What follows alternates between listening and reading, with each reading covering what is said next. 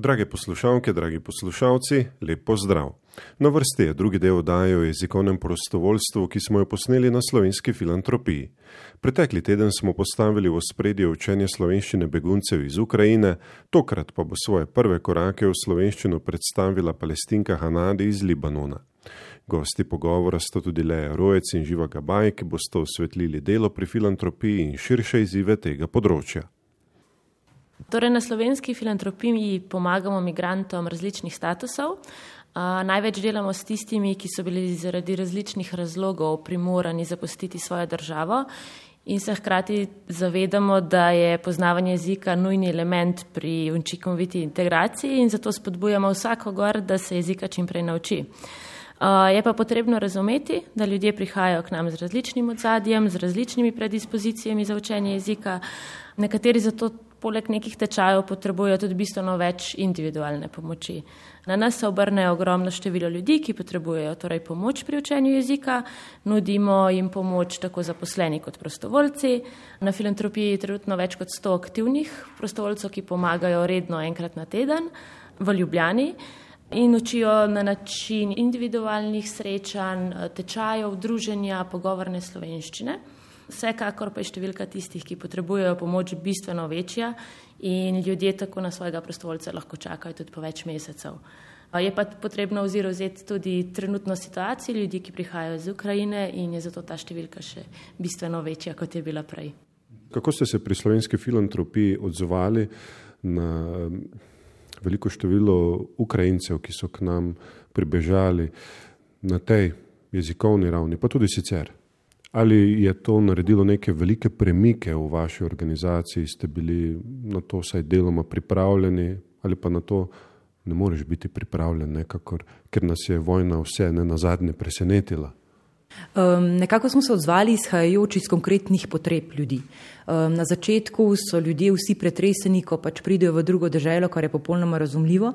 Um, in je Zasledili smo, da ljudje mislijo, da bo vojna trajala vendarle samo nekaj dni, da potrebujejo nekaj malega oblačil, druge materialne pomoči in upajoč, da se bodo lahko čim prej vrnili domov. Eh, po preteku ne, nekaj tednov so v bistvu videli, da um, ta ideja ne bo se ravno tako išla in so začeli spraševati tudi po eh, izvajanju tečaja slovenskega jezika. Predtem je sodelavec, ki je vodja terenskega odziva, že pozval naše prostovoljce in pa tudi nabor novih prostovoljk in prostovoljcev, če bi poučevali ljudi, ki prihajajo iz Ukrajine. Tako se nam jih je javilo, zaenkrat govorim samo v Ljubljani, vem te številke iz glave, približno 17. Vsak od teh prostovoljcev ima okrog 15 oseb, v nekatere so vključene mame, nekatere skupine, nekatere prostovoljke imajo imajo eh, mlajše otroke, druge malo starejše, tako da smo jih razporedili po jezikovnih skupinah. Eh, smo pa začeli z mladimi, ki so prišli preko slovenskega mladinskega orkestra, to so v bistvu simfoniki iz Ukrajine. Eh, tako da z njimi smo najprej začeli s tečajem slovenskega jezika, osnovna šola Toneta Čufarne nam je prijazno odstopila eh, svoje učilnice po podanskih urah, tako da se um, nekaj odvija tukaj pri nas, nekaj pa um, na tej osnovni šoli. Uh, zdaj v vrstah teh prostovoljcev in prostovoljk so nekateri um, študenti um, slovenskega jezika, um, nekateri so Eh, študenti eh, ruščine, imamo tudi prostovoljca, ki eh, uči v eni od jezikovnih šol, drugi, nekateri pač imajo izkušnje z individualnim poučevanjem, nekateri skupinskim, nekateri pa pač si samo um, želijo. Um. Ste pri slovenski filantropiji zaradi tega morali povečati obseg dela, obseg ur? Ja, to je zagotovo močno, močno vplivalo na povečan obseg našega dela. Um, tako da za nekaj časa s svojimi silami in močmi, ki jih imamo, to še gre, opažamo pa, da počasi um, tudi to več eh, z kapacitetami, ki jih imamo, ni vendarle tako več zlahka. Zdaj, um, mi smo med drugim tudi prostovoljska organizacija in uh, se nam je zelo veliko število prostovoljcev javilo za pomoč, kot je recimo pomoč v skladišču, da, da um, razdeljujejo materialno uh, pomoč in tudi druge uh, oblike pomoči. Um, vendarle pa upamo, da bomo kmalo lahko dobili um, kakšno um, fi, finančno podporo za zaposlitev novih oseb. Za jezikovnega prostovoljca se verjetno lahko odloči skoraj vsak, glede na to, da je toliko različnih eh, oblik učenja slovenskega jezika, tudi v obliki druženja. Ne?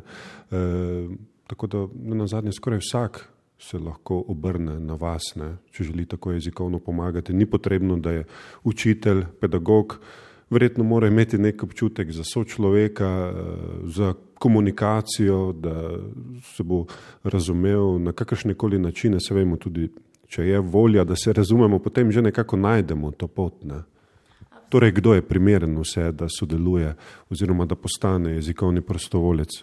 Ste že sami lepo povzeli. Eh, sicer na filantropiji imamo še en, še en pogoj, to je um, vodno izobraževanje za prostovoljce, ki ga mora vsak opraviti. To je seveda zato, ker delajo z ranljivimi skupinami. To je zelo pomemben faktor. Se pa javljajo različni ljudje. Uh, veliko jih je tudi pedagogov, uh, tistih, ki se ukvarjajo jezikom, seveda to ni pogoj. Um, mogoče je tem ljudem lažje učiti kakšne tečaje, ampak ena na ena se pa srečujejo ljudje z različnimi odzadji. Eh, mi vedno povdarimo, da naši prostovoljci in prostovoljke niso profesionalni v izvajanju eh, tečaja slovenskega jezika, načeloma. Ne? Tako da naši izpiti, priprave na izpit in pa prav tako um, učenja so neformalna, Si pa eh, definitivno prezadevamo, da je bilo čim več, vsaj teh, ki poučujejo na višji ravni. To, to pomeni recimo osebe, ki pristopajo k izpitom na, različni, na različnih ravneh, da bi definitivno imeli neko to vrstno izobrazbo. Sodelujemo in smo tudi sodelovali z Centrom za slovenščino kot drugi tuj jezik na filozofski fakulteti, tako da tudi oni izvajo delavnice za pripravo prostovoljcev, ki neformalno proučujejo slovenski jezik. Um, vsekakor za, znanje, učinko, za učinkovito znanje slovenskega jezika um, bi po vseh kriterijih seveda bi bilo um, verjetno idealno, da bi imel uh, profesionalnega učitelja slovenskega jezika, ampak to nažalost v praksi ni izvedljivo. Z nami je tudi Hanadi iz Libanona, ki je prispela v Slovenijo pred petimi leti. Kakšni so bili vaši prvi koraki v slovenščino? Eh, slovenskega jezika sem se začela oči za otrokoma. E, začela sem vedeti, kako jema gre v šoli. E, slovenski jezik želim znati, ker želim biti neodvisna. Kaj vam je najbolj pomagalo pri učenju slovenščine? Kje, kdaj ste se največ naučili? Ja. Največ sem se naučila na tečaju. E, vsak torek e, obiskujem tečaj na slovenski filantropiji, tam se veliko naučim. Sedaj se dodatno učim jezika se sprostovaljka. Vsak teden se e, bodiva in učiva različne stvari. Sedaj vem, zelo. Uh, ja. e, sedaj vem zelo, uh, kdo je vlado Kreslin. E, znam, to je ima, e, dobro jutro. Do... Ja. ja, zelo samozavestni ste. E, kdaj ste začeli slovenščino prvič uporabljati, tako da ste jo prvič v nekem ne vem, v trgovini ali kjerkoli? da ste jo prvič uporabili. Kdaj se je to zgodilo? Ja. Prvič sem je začela uporabljati za, zaradi komunikacije s eh, šolo, trgovina, prijatelj in tudi filantropija. in kje danes uporabljate najpogosteje slovenščino? Vse nekaj ste že povedali, pa vendarle. Mm, danes poučujem, pardon about uh, my, uh, my language. Ja. Danes po, uh, poskušam posvod uh, govoriti slovensko o trgovina, lekarna, šola, pekarna uh, in tudi banka. Malo, ampak znam. Uh -huh. Se vam zdi, da se je zgodila velika razlika v dostopu do, em, do šole, do banke, do lekarne, zdaj, ko znate slovenščino? E, ja, zdaj, ja, zdaj je mm, boljše, e, ker znam slovensko. Predvidevam pa, da so, ne vem, da vsaj v šoli ali pa drugje, da znajo angliško, angliško ne? ali ste z njimi poskušali se pogovarjati v angliščini. Yeah, I use uh, uh, uh, both of this language. Somehow I use English. Da, uporabljala sem oba jezika. Včasih sem uporabila angliški jezik, če nisem odgovorila najboljše. Slovenščino pa sem uporabila takrat, ko sem dobro razumela in bila prepričana, da bo moja slovenščina pravilna. Pa vendar ne se mi zdi, trudite se, da bi, se, da bi govorili. Eh, po slovensko, ne? čeprav veliko slovencev govori angliško. Ne? Ne? In, eh, ali vidite res to razliko, ne? ko z nekom spregovorite v slovenščini, ne pa v angliščini? Look, for me it's easy because the Slovenian uh, person uh, knows no English. Poglejte, za me je preprosto, ker Slovenci govorite angliški jezik. Na ta način se lahko sporazumevam z drugimi. Zlahka uporabljam angliški jezik. V kombinaciji z uporabo slovenščine pa lahko ugotovim tudi na kakšni ravni je moja slovenščina. Resnično mi je v veliko pomoč, da toliko slovencev govori angliški jezik. Obenem pa si želim uporabljati tudi to, kar se naučim na tečajih slovenščine. Zdi se mi, da razumem 40 odstotkov slovenščine, ko jo slišim na banki, v lekarni in v bolnišnici. Lahko uporabljam že veliko slovenskih besed.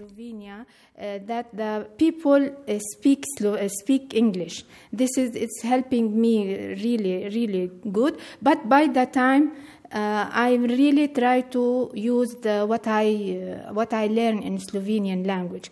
But uh, I'm really I think I think my how I it's little bit it's now it's 40 percent I understand when I go to bank to likarna to clinic I can use many many words in Slovenian Kako pa gre otrokom za slovenščino, kakšen je pri njih napredek? E, mogoče je dober, ker pet let na šole, e, prihodi na šole, hodi v šole. Katero šolo obiskujete? Ja, na e, e, stare, starejši, starejši e, letstrojska mehatronika, e, Šiška in e, mlajši mlajše, pardon, mlajše, eh, deveti razlik Oskorja Kovačič. Prej sta pa verjetno obiskovala osnovno šolo Levada, ali sta bila tam, kjer imajo posebej eh, program za vse otroke, ki eh, ne znajo slovensko? Prvi, let, eh, prvi leta eh, na eh, Levada in potem eh, Ahmed, eh, Litestrojska Šeška, mehatronika, srednja šola in Mohamed Oskar Jakovečič, osnovna šola. Se vam zdi, da je bilo v tem jezikovnem smislu dobro poskrbljeno za vaše otroke? Ja, sure. If I learn Slovenian language, it's really good for me because I want to Ja, seveda, zelo dobro je, ko se učim slovensko. Tudi za moje otroke. Zelo mi pomaga pri dostopnosti šole, službe in večje neodvisnosti.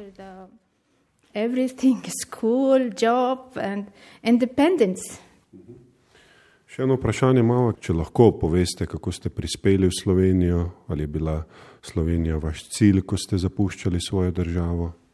Ja, eh, da, Slovenija je bila moj cilj. Odlično. e, torej, kot smo slišali, gospa Hanadi je naredila velik napredek in ima veliko željo po učenju slovenskega jezika, čeprav seveda i angleščina odpira vrata e, v mnoge ustanove in situacije. Pa vendar, kateri so največji jezikovni izzivi, s katerimi se soočajo begunci v Sloveniji, kaj je odprtega? Ker ko sem poslušal tako gospod Hanadi, je zvenelo, kako da je vse v redu. Ne? Zdaj, to vprašanje je v bistvu zelo široko. Ne? Odvisno je spet od človeka, eh, ki pride v Slovenijo in kakšen status ima to. Ne? Se pravi, govorimo, eh, je bistvena razlika med tem, ali je oseba prosilec za mednarodno zaščito, ali je oseba, ki je že pridobila status mednarodne zaščite, ali gre za osebo, ki je tukaj na tako imenovanem začasnem zadrževanju, ali pa tudi sedaj, ko pač prihajajo ljudje iz Ukrajine, ko imajo začasno zaščito. Um, Vsekakor smo mi mnenja, da, tako kot je bilo na začetku že rečeno, integracijski proces je bolj učinkovit tudi v kasnejših fazah, vkolikor se ljudje čim prej um, upnejo in začnejo učiti slovenskega jezika. Tako da v bistvu mi zelo pozdravljamo um, to, da že recimo, ko ljudje pridejo v azilni dom in so v tem postopku, da se čim prej začnejo učiti. Uh, to imajo tudi organizirano v nekem manjšem obsegu. Um, Tukaj pa seveda tudi vedno prisoten individualni interes posameznika. Ne? Um, osebe, potem, ki pridobijo status mednarodne zaščite, um, nekatere so zmožne se v bistvu takoj vključiti v programe uh, tečaja slovenskega jezika, po novi zakonodaji jim pripada 400-urni tečaj, uh, po starejši je bilo to malo manj. Uh, vendar kljub, eh, recimo, ne, govorimo o 400 urah, ki se sliši zelo veliko, je včasih um, to za drugi tuji jezik je zelo drugačen od materinega, ne, vseeno nizko. Um, iz naših um, izkušenj vidimo, da se ljudje najhitreje naučijo jezika, recimo, če govorimo o otrocih, definitivno v šoli, v kontaktu s svojimi vrstniki in drugimi prijatelji, če so vključeni v kakšne krožke. Pri odraslih je pa to še vedno upetost v, um, uh, v neko zaposlitev. Mogoče um, bi še izpostavila to, da vse ljudje res prihajajo iz različnih držav in torej iz različnih jezikovnih odzadij. Um, nekomu, ki mu je bližje slovanski jezik, um, se bo učenje, um, bo učenje veliko hitrejše.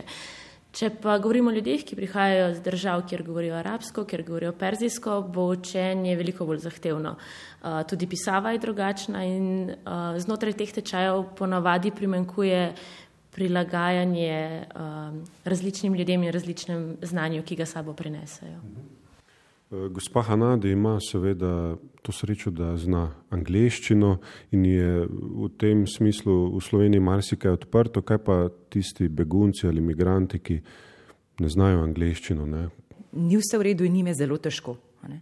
Eh, poleg eh, jezika se morajo v bistvu ljudje popolnoma na novo navaditi tudi sistema, ki je včasih bistveno drugačen, kot kakršnega so živeli prej. Tako da je to zelo težka situacija pa, na koga pa se lahko obrnejo? Ali imajo dovolj informacij, na koga se lahko obrnejo, ko naletijo na neko jezikovno težavo, problem, obisk zdravnika, eh, šole ali banke, vsega, s čimer se srečujejo, da jim lahko nekdo pomaga pri komunikaciji? Um, veliko ljudi v bistvu se znajde tudi na ta način, da prosijo za pomoč svojega prijatelja, ki prihaja iz iste govoreče skupine, kot je on sam ali ona. Um, na ta način v bistvu poteka neka neformalna podpora. Bi rekla, da je to kar pri um, ogromnem številu migrantov. Zdaj pa spet govorimo o tistih posameznikih, pa, ki pa tudi tega nimajo. Ne? Takrat se obrnejo na kakšno od organizacij, zdaj govorimo samo o ljudeh, ki dosežejo tudi ne, nas in druge sorodne organizacije. Tisti ljudje, ki tudi tega nimajo, od njih spoh ne moremo govoriti. Tako da pri nas uh, imamo tudi nekaj prostovoljcev um, iz različnih dežel, ki govorijo različne jezike, tako da lahko tudi s to pomočjo. Sicer pa si nekaj let um, že Slovenija nekako prizadeva, um, zdaj je to še malo bolj, um, ne več toliko v kaleh, ampak vseeno ne toliko v praksi, da bi se um, uveljavil profil medkulturnega medijatorja, ne, ki bi poleg prevajanja jezika pomagal pri prevajanju, tako ne, v navednicah rečem, kulture. Najlepša hvala za pogovor in vse dobro vam želim pri vašem eh, plemenitem delu in seveda veliko uspehov pri življenju v Sloveniji in učenju slovenskega jezika, gospa Hanade. Hvala lepa, hvala lepa. Hvala, hvala. To je bil drugi del oddaje o jezikovnem prostovoljstvu, ki smo jo posneli na slovenski filantropiji. V prvem delu sta bila gosta Ukrajinec Aleks in Viktor Kolar, učitelj slovenščine, ki je izvedel tečaj za Ukrajince.